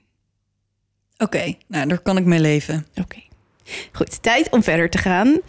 Iedereen er klaar voor? Jasje aan, ritje dicht, want we gaan verder. Ja. We pakken onze spullen en vertrekken via Drayton Street naar East State Street. En we komen aan bij de volgende plek, het Wright Square. Oké, is iedereen er? Denk het wel. Ja? Goed. Dit is Wright Square. Tussen deze bijzondere mooie eiken en omringd door de prachtige architectuur van gebouwen zoals de federale rechtbank en het postkantoor, ligt een van de oudste pleinen van de stad. Het wordt tijdens het ontstaan van Savannah in 1733 aangelegd en wordt in de eerste instantie vernoemd naar Lord Percival, die een grote rol speelt bij het stichten van de staat Georgia. Percival Square werd in 1763 omgedoopt tot Wright Square. Deze keer wordt het plein vernoemd naar Sir James Wright, de laatst aangestelde koninklijke Britse gouverneur. Het plein wordt ook wel Courthouse Square en Post Office Square genoemd. Oké. En nu mogen jullie drie keer raden waarom. Nou, er staat vast een post office eh, op, een postkantoor en een... eh, wat was die andere? Sorry, ik heb een beetje last van eh, korte termijn geheugenverlies. Courthouse Square, net, Eh, net wat eh, ik dus net zeg. Ja, ja, ja, precies. Ja. Vroeger stond er op deze plek een monument voor de Indiaanse leider Tomochichi. Ah, De leider van de Yamacraw-stam die een grote rol speelde in de ontwikkeling van Savannah... samen met James Oglethorpe. mhm. En je had het net al even over hem. ja. Na de dood van Tomochichi in 1739 zorgt Oglethorpe ervoor dat Tomochichi met de grootst mogelijke zorg en respect wordt begraven. Hij krijgt een ereplaats in het midden van het plein. In plaats van een grafsteen wordt er een piramide van steen op zijn laatste rustplaats gelegd. Meer dan een eeuw blijft deze piramide onaangeroerd. Tot in 1833 het graf volledig verwoest wordt door de Central of Georgia Railroad. Terwijl ze een monument maken voor hun oprichter William Washington Gordon. Oh. Want, hé, hey, Tomochichi is tenslotte maar een Indiaan. Hmm. En als je denkt Gordon, dat klinkt bekend. Dat klopt, want William is de opa van Daisy van de Girl Scouts. Oh, oké. Ja. ja, ja. Ons kent ons. Mhm. Als de kleindochter van William dit hoort, is ze woest. Hoe kunnen ze zo'n heilige plaats verruineren? Ze betaalt uit eigen zak voor een nieuw monument voor Tomochichi. Ik weet trouwens niet of het Daisy is die voor het nieuwe monument betaalt... of een andere kleindochter. En het is trouwens sowieso altijd een heel slecht idee... om dode indianen tegen de haren in te strijken... Ja. want dat zou je wel eens duur kunnen komen te staan. Mhm. Er wordt gezegd dat als iemand drie keer om het monument heen loopt en vraagt: Waar is Tomochichi? Dat zijn geest een antwoord fluistert. Nowhere, Ew. nergens. Als verwijzing naar de ontheiliging en de verwijdering van zijn botten van de laatste rustplaats. Iemand die het wil proberen? Ik zie daar een hand omhoog gaan. Ga je gang. Ik zou de vraag wel in het Engels stellen, want ik weet niet of hij Nederlands spreekt. Nergens. Nergens. Hoorden jullie dat? Ik geloof dat Tomochichi heeft gesproken. Dit plein staat ook nog bekend om iets anders. Er werden hier vroeger namelijk mensen opgehangen. Oh. Een van de bekendste verhangingen is die van Richard White en Alice Riley. Richard en Alice waren arme Ierse immigranten. Na een vreselijke overtocht vinden ze werk bij een veeboer, William Wise. William is een vreselijke man en hij drijft Richard en Alice tot waanzin. Op een dag kunnen ze het niet langer verdragen en wurgen William met zijn halsdoek. En om zich ervan te verzekeren dat hij echt het loodje legt, verdrinken ze hem in een emmer water. Oké. Zodra ze zeker weten dat William dood is, vluchten ze van de boerderij, maar uiteindelijk worden ze toch gepakt. Richard en Alice worden veroordeeld tot de doodstraf en zijn daarmee de eerste die deze straf opgelegd krijgen in Savannah. Oh. Er wordt gedacht dat de moord op William de eerste moord in Savannah was. Oké. Een, beetje, een beetje een fabelachtige eer is dat. eh. Ja, ja. Richard is als eerste aan de beurt. Hij wordt verhangen op het plein. Alice zal snel daarna volgen. Tenminste, dat was het plan. Totdat ze erachter komen dat Alice zwanger is. Ah. En ze zeggen dat het van William was, Oh. de dode man. Ja. Haar straf wordt uitgesteld tot de baby geboren is. Haar baby James wordt geboren en ze laten er geen gras over groeien, want niet lang daarna wordt Alice op 19 januari 1735 opgehangen. Als Alice dood is, laten ze haar nog drie dagen op het plein hangen. Vraag me niet waarom, want ik heb geen idee. Doe even normaal ook. Ja, misschien als een soort van statement, omdat ze de eerste waren. Zo van, dit gebeurt er dus met je als je opgehangen wordt. Eh, Als je iemand vermoordt, bedoel je? Want dat je dan opgehangen wordt is het resultaat. Maar ik snap wat je bedoelt. Ja, Oké, minder prettig. ja. Ik snap het niet. Je gaat toch niet voor je lol... Ja, maar hoe... Ja, maar er, Er, komt, er gebeuren allemaal dingen dan en vogels. En nou ja, Ja, het wordt er niet gezelliger op in Nee. ieder geval. Nee, nee, nee. Eh, over niet gezellig gesproken. Twee weken na haar dood overlijdt haar zoontje James plotseling. Oh nee. Ja. Na de dood van Alice doen de wildste verhalen de ronde. Ze deed aan hekserij, zwarte magie en ze nam deel aan occulte bijeenkomsten. Ja, natuurlijk. Alice zou Savannah vervloekt hebben en dat is de reden dat er geen Spaans mos op het plein groeit. Of groeit het Spaanse mos hier niet omdat het niet groeit op een plek waar onschuldig bloed vergoten is. We zullen het nooit weten. Anderen beweren dat de geest van Alice verschijnt aan moeders die hun baby's in hun armen dragen om vervolgens te proberen de baby's af te pakken. Oké. Weer anderen zeggen dat Alice nog steeds over het plein waart op zoek naar James, haar kleine baby. Rebecca Aalsburg heeft een ontmoeting met haar. Rebecca werkt als bankbediende en loopt aan het einde van haar werkdag via Wright Square naar huis. Het is een mistige winteravond in 1996 als Rebecca onder de grote bomen hier op het plein loopt.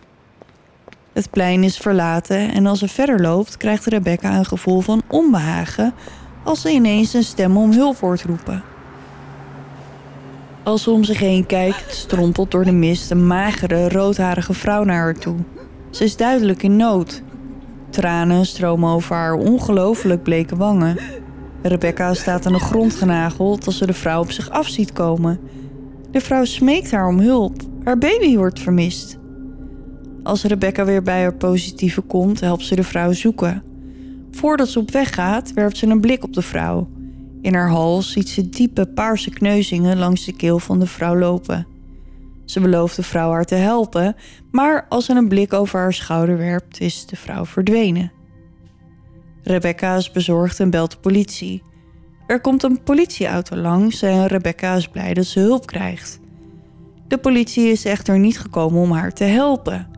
Ze vertellen haar over de geest van Alice. Ze krijgen iedere week minstens één telefoontje over een vrouw die haar kindje zoekt. Oh nee. Ja. Genoeg gezien? Mooi, dan gaan we door. Het is maar een paar minuten lopen naar de volgende plek. We wandelen over West York Street, een rustige, prachtige groene straat, door naar East Oakledorp Avenue. Daar slaan we linksaf en dan komen we aan bij onze volgende bestemming, Oakledorp House. Over dit huis heb ik niet zoveel over de geschiedenis te vertellen. Ik heb wel een bijzonder verhaal voor jullie uitgelicht. Wat wel een leuk weetje is, is dat Daisy, die van de Girl Scouts, ja, daar is ze weer, hier gewoond heeft toen ze klein was. Oh echt? Ja, Geinig. ja. Voordat ik begin, laten we even in ons achterhoofd houden dat het heel lang duurde voordat ontdekt werd dat de gele koorts door muggen wordt overgedragen en dat er heel lang gedacht werd dat de ziekte besmettelijk was. Ergens in de jaren 20 van de 19e eeuw woonde op dit adres een dokter.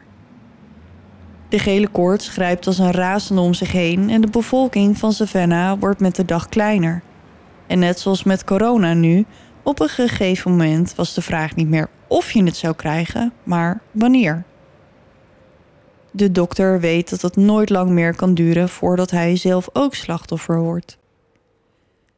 Na een lange dag waarin hij keihard heeft gewerkt om zijn patiënten te verzorgen en het redden van levens, komt de dokter s'nachts eindelijk thuis. Hij loopt over het pad naar zijn huis als hij een vreselijk gevoel in zijn maag krijgt. Een gevoel van angst overspoelt hem. Bij de deur aangekomen twijfelt hij even als hij de deur open wil maken. Wil hij wel weten wat hij binnen aantreft? Hij raapt zijn moed bij elkaar en opent de deur. Zodra hij naar binnen stapt, voelt hij dat er iets is veranderd. Hij gaat bij zijn jongste kind kijken en de angst grijpt hem om het hart. Het kind is gloeiend heet en de koorts blijft maar stijgen en het lijkt erop dat zijn organen op het punt staan om het te begeven. De dokter doet wat hij kan om zijn kind te redden. Waar hij zo bang voor was, is nu toch gebeurd. Wat hij ook doet, het kind blijft achteruit gaan. Zijn huid wordt geel en als hij begint te spugen, komt er zwarte vloeistof uit zijn kleine lijfje. Niet lang daarna raakt het kind in coma en diezelfde avond overlijdt hij. De dokter is woedend op zichzelf. Hij is toch een dokter? Waarom kon hij zijn kind dan niet redden? Helaas is het einde van zijn leed nog niet in zicht. Eén voor één krijgt de koorts zijn gezinsleden te pakken. Elk van hen krijgt te maken met de gruwelen van de gele koorts. En de dokter vecht voor elk van hen. Als hij er maar één kan redden, eentje maar. Maar helaas, Eén voor één sterft iedereen uit zijn gezin. Hij blijft alleen over. Wat een ramp zeg. Ja. Als de laatste sterft, breekt de dokter. Keer op keer ziet hij zijn gezin sterven als hij zijn ogen sluit. Hij geeft zichzelf de schuld. Hij heeft deze vreselijke ziekte zijn huis binnengebracht. Het duurt niet lang voordat de dokter aan zichzelf denkt als een massamoordenaar. Hij heeft zijn hele gezin uitgemoord. Waarom heeft hij ze hier gehouden? Hij had ze weg moeten sturen. Hij bleef zichzelf steeds dezelfde vragen stellen, tot zijn geest in verwrongen kringetjes rond blijft draaien. Uiteindelijk begint hij te geloven dat hij gestraft wordt omdat hij zijn gezin thuis heeft gehouden. Hij smeekt God om hem te straffen, hem te laten lijden. Lijden zoals zijn familie dat heeft gedaan. Als na dagen zijn gebeden nog steeds niet verhoord zijn, besluit hij het heft in eigen hand te nemen. Hij overdenkt zijn opties. Hij wil geen zelfmoord plegen. Hij wil tenslotte lijden. Uiteindelijk krijgt hij een idee. Hij loopt naar de kamer van zijn jongste kind, de kamer waar de eerste van zijn gezin overleed. Er staat niets meer in de kamer, op een bed na. Hij kijkt om zich heen en zijn blik blijft op het raam rusten. Hij verdient geen zonlicht, dat licht moet weg. Hij spijkert planken voor de ramen, de kamer is nu in duisternis gehuld. De dokter sluit zich op in de kamer. Hij kijkt even naar het bed, maar hij besluit om op de grond te gaan zitten. Al voordat hij de kamer binnenstapte voor zijn straf, was de dokter aan het wegkwijnen. Nu, in de gesloten donkere kamer, zonder licht, eten of drinken, wordt dit alleen maar bespoedigd. Dagenlang zit de dokter op de grond, te wachten tot zijn tijd gekomen is en hij zich weer bij zijn gezin kan voegen. Het duurt niet lang voordat de dokter aan ondervoeding en uitdroging bezwijkt. Het is niet duidelijk of dit verhaal slechts een legende is of daadwerkelijk gebeurt. We weten het dus niet, maar dat laat de spoken zich nergens van weerhouden. Buren verklaren dat ze regelmatig harde geluiden uit het pand horen komen, terwijl het toch echt al sinds de jaren tachtig leeg staat. Oh, echt? Ja, er lijkt met potten en pannen geslagen te worden en ze horen gebonk. Sommigen beweren de geest van de dokter door het huis te zien spoken, terwijl zijn spookachtige schaduw over het terrein dwaalt. Hij wordt ook vaak gezien als een man die het uitschreeuwt van de pijn. En? Hebben jullie al blaren? Nee? Nou, dat is mooi, want de volgende wandeling is een lange, dik 12 minuten. En eigenlijk lopen we maar één straat af. Whittaker Street. Maar wees gerust, er valt genoeg te zien hier. Deze straat wordt versierd met de meest prachtige huizen, bloeiende bloemen en gezonnetjes en spelende kinderen op straat. Nou ja, nu even niet, maar je snapt wat ik bedoel. Aan het einde van de straat vinden we onze volgende plek. Het Mercer Williams House. Hmm. Welkom bij het Mercer Williams House. In 1860 neemt generaal Hugh Mercer een beroemde architect in de arm om zijn droomhuis te ontwerpen en te bouwen. We kennen de architect. Oh, Het is namelijk John Norris, dezelfde architect die Andrew Lowehouse ontwierp. oké. Ja.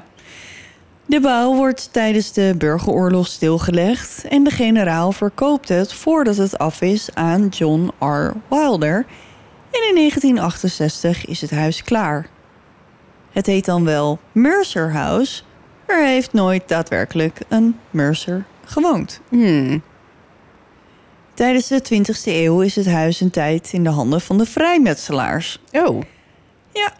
Na hun vertrek staat het huis jarenlang leeg, tot het huis in 1969 gekocht wordt door Jim Williams.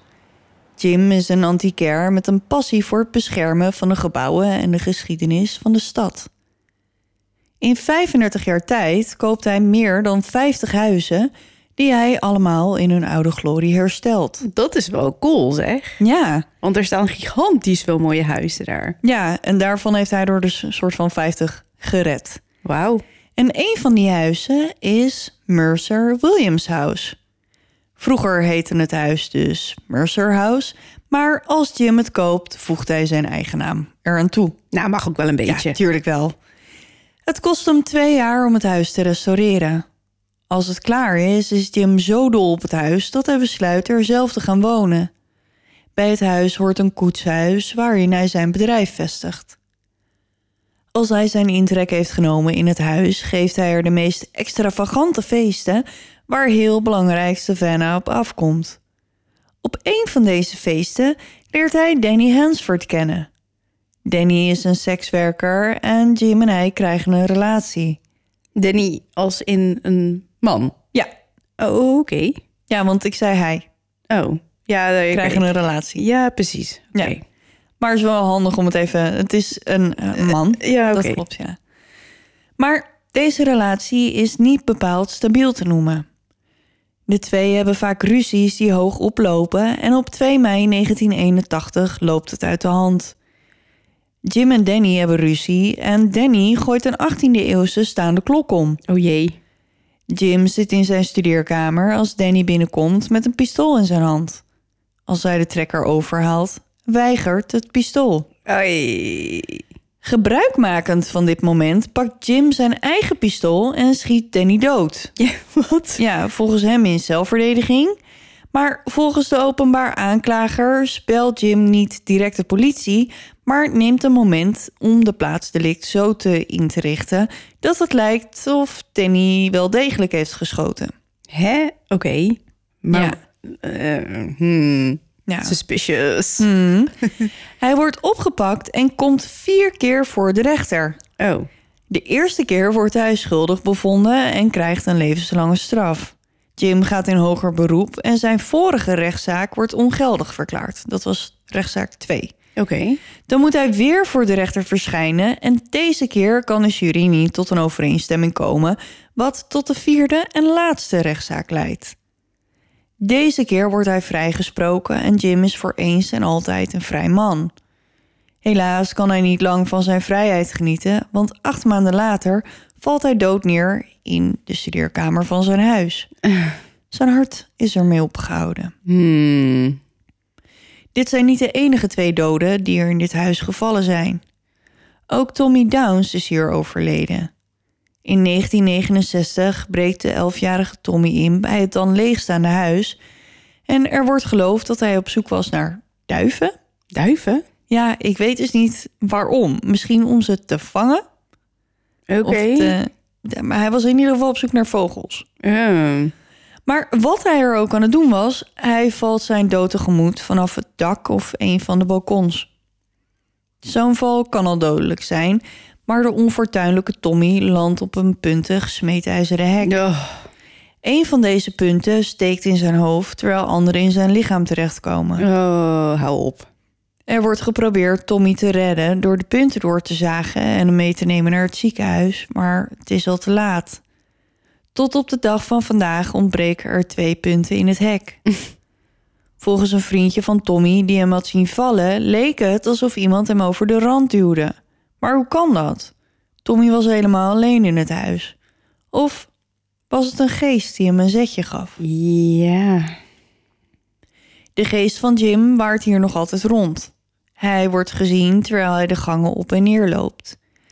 Jim geeft ook nog steeds feesten in zijn huis. Oh ja? Ja, hij hield blijkbaar vreselijk veel van kerst. En iedere december organiseerde hij een kerstgala... waar heel bekend Savannah op afkwam. Nu, na zijn dood, viert hij nog steeds kerst met een groot feest. Door de ramen worden dansende mensen gezien... en er klinkt muziek door de straat. Danny verblijft hier ook nog steeds. Het schijnt dat hij met zijn gespook Jim tot waanzin heeft gedreven. Jim nam zelfs een voodoo-priester in de arm om Danny te verjagen. Er zijn ook mensen die denken dat het Danny is die Jim dood heeft laten neervallen door hem vreselijk te laten schrikken. Gek genoeg werd Jim in zijn studeerkamer gevonden, zoals ik net al zei, Mhm. op de plek waar hij Danny doodschoot. Ja. Dus ja, je Ja. weet het niet. de, de cirkel is rond. Ja, de geest van Tommy wordt ook gezien. Hij staat op het dak of verschijnt achter de ramen. Hij verschijnt op foto's van toeristen die een kiekje van het prachtige huis schieten. Een kleine blonde jongen die zijn dood tegemoet valt. Alsof hij in een loop zit en keer op keer opnieuw zijn dood beleeft. Goed, dat was wel spannend hè? Ja, echt wel. Nou Daf, jij bent weer aan de beurt. Waar gaan we heen? Ja, we gaan naar mijn absolute droomhuis. Iets wat ik zo in de Sims zou namaken. Want ik vind het prachtig. En het heet Kehoe House. We moeten nog een beetje doorhobbelen, want wederom een lange wandeling en dit keer over Drayton Street. Alweer. Mhm. Aan de rand van Columbia Square staat het enorme Kehoe House, gebouwd in 1892 voor William en Anne Kehoe. Het herenhuis in Queen Anne-stijl werd gebouwd als de Kehoe-residentie en laat zien waar William bekend om stond in Savannah. IJzer. Want wat zou de eigenaar van een ijzergieterij anders gebruiken om zijn huis te versieren dan gietijzeren balustrades, Corinthische zuilen, veranda's, balkons en raamlijsten? Het huis diende een tijd als uitvaartcentrum, maar tegenwoordig is het een geliefd bed and breakfast met maar liefst een 5-sterren rating op TripAdvisor. Ik las enkele van de reviews en het klinkt er als een fijne plek. Naast het prachtige uiterlijk van het huis gaat er een hardnekkig verhaal over rond. Dat gaat over William, Anne en hun acht kinderen en de tweeling die er geboren werd. Wacht even. Acht kinderen plus een tweeling? Mhm. Dus tien kinderen. Ja, Oké. Het verhaal gaat dat op een dag Anne thuis kwam en ontdekte dat de tweeling niet bij de andere was. In paniek keek ze rond, maar ze waren nergens te vinden. Een zoekactie werd gestart, maar de kinderen waren nergens te bekennen en na een tijd gaf de familie het op. De tweeling was spoorloos. Verdrietig pakte de familie hun leven weer op zonder de tweeling. De tijd ging voorbij en de dagen werden weken en er hing een bedroefde stemming in het huis. En toen het begon te stinken, dachten ze niet meteen aan de vermiste kinderen. Het stonk wel vaker in de stad, maar dat kwam dan door de haven en de ijzerfabriek. Maar de stank hield aan en werd zelfs erger. De familie Kehoe besloot te onderzoeken waar die stank vandaan kwam.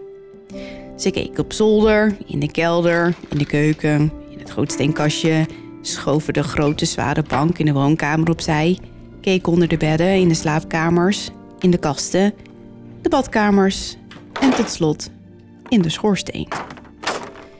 En daar kreeg de familie de schok van hun leven, want daar vonden zij de ontbindende lichamen van de vermiste tweeling.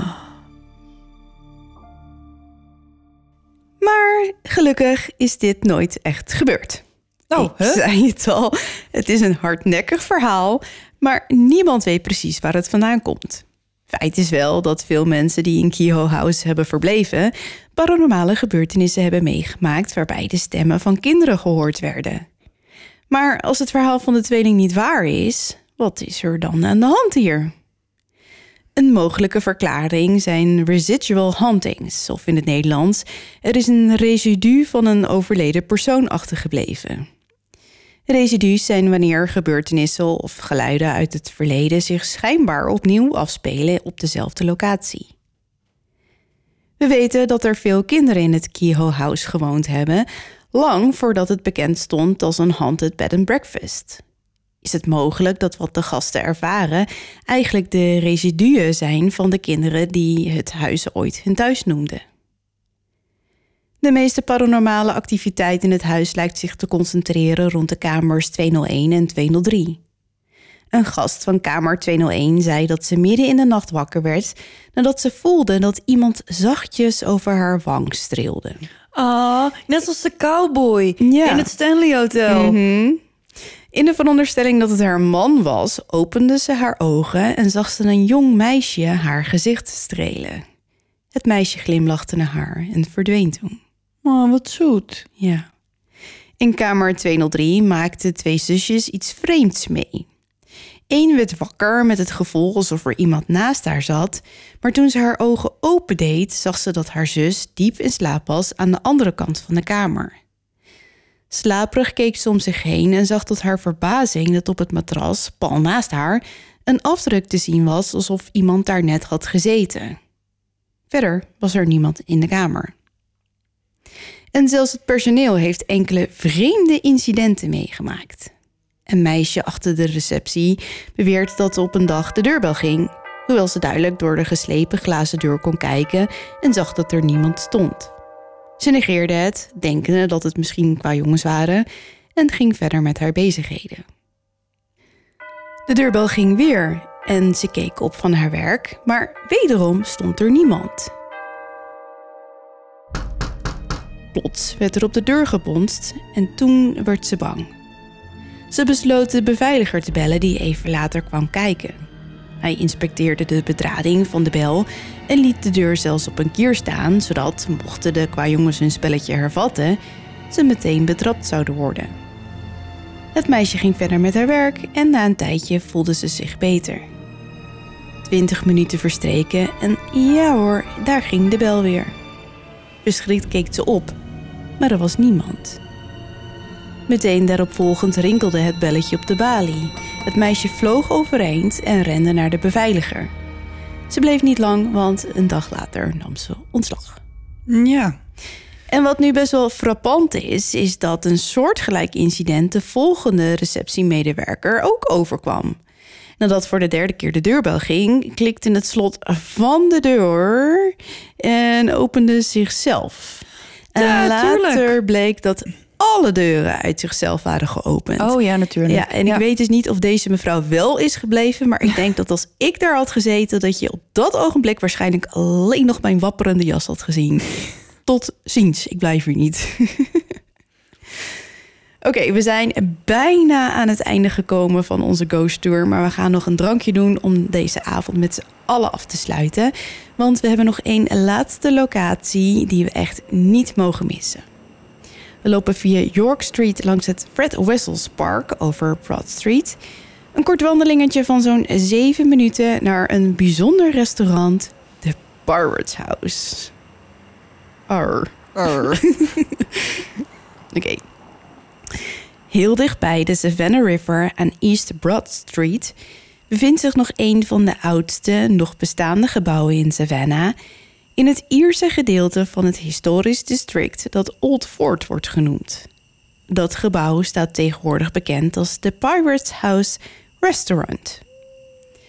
Er is weinig bekend over de begindagen in 1794, het jaar waaruit het dateert, behalve dat het werd gebruikt als een zeemanstaverne. Maar wat wel algemeen bekend is, is dat medewerkers al jaren zeggen dat het in de Pirates House spookt. De taverne was een verzamelplaats voor zeelieden, criminelen en andere onsmakelijke figuren. Het werd Gespuis. gespuis. Het werd gezien als een plek waar de meeste mensen niet vrijwillig zouden komen vanwege de rauwe reputatie. De mannen die er kwamen waren op zoek naar stevige drank, maar werden wakker op een schip een paar honderd mijl uit de kust, met als enige twee keuzes om of op het schip te werken of overboord te worden gegooid. Oh, natuurlijk. Mhm. Terug naar het restaurant, want over de kelder, waar voornamelijk rum werd bewaard, gaat een legende. Een tunnel die er onderdoor zou lopen, zou naar verluid uitkomen bij de rivier. Nadat het restaurant in verval raakte, werden de tunnels dichtgemaakt. Althans, dat wordt gezegd. Maar als dat verhaal van die tunnels waar is, hoef je je dus ook niet af te vragen hoe die arme dronkenlappen uit de taverne op zo'n schip terechtkwamen. Die methode wordt ook wel Shanghaiën genoemd. Wat? Mhm.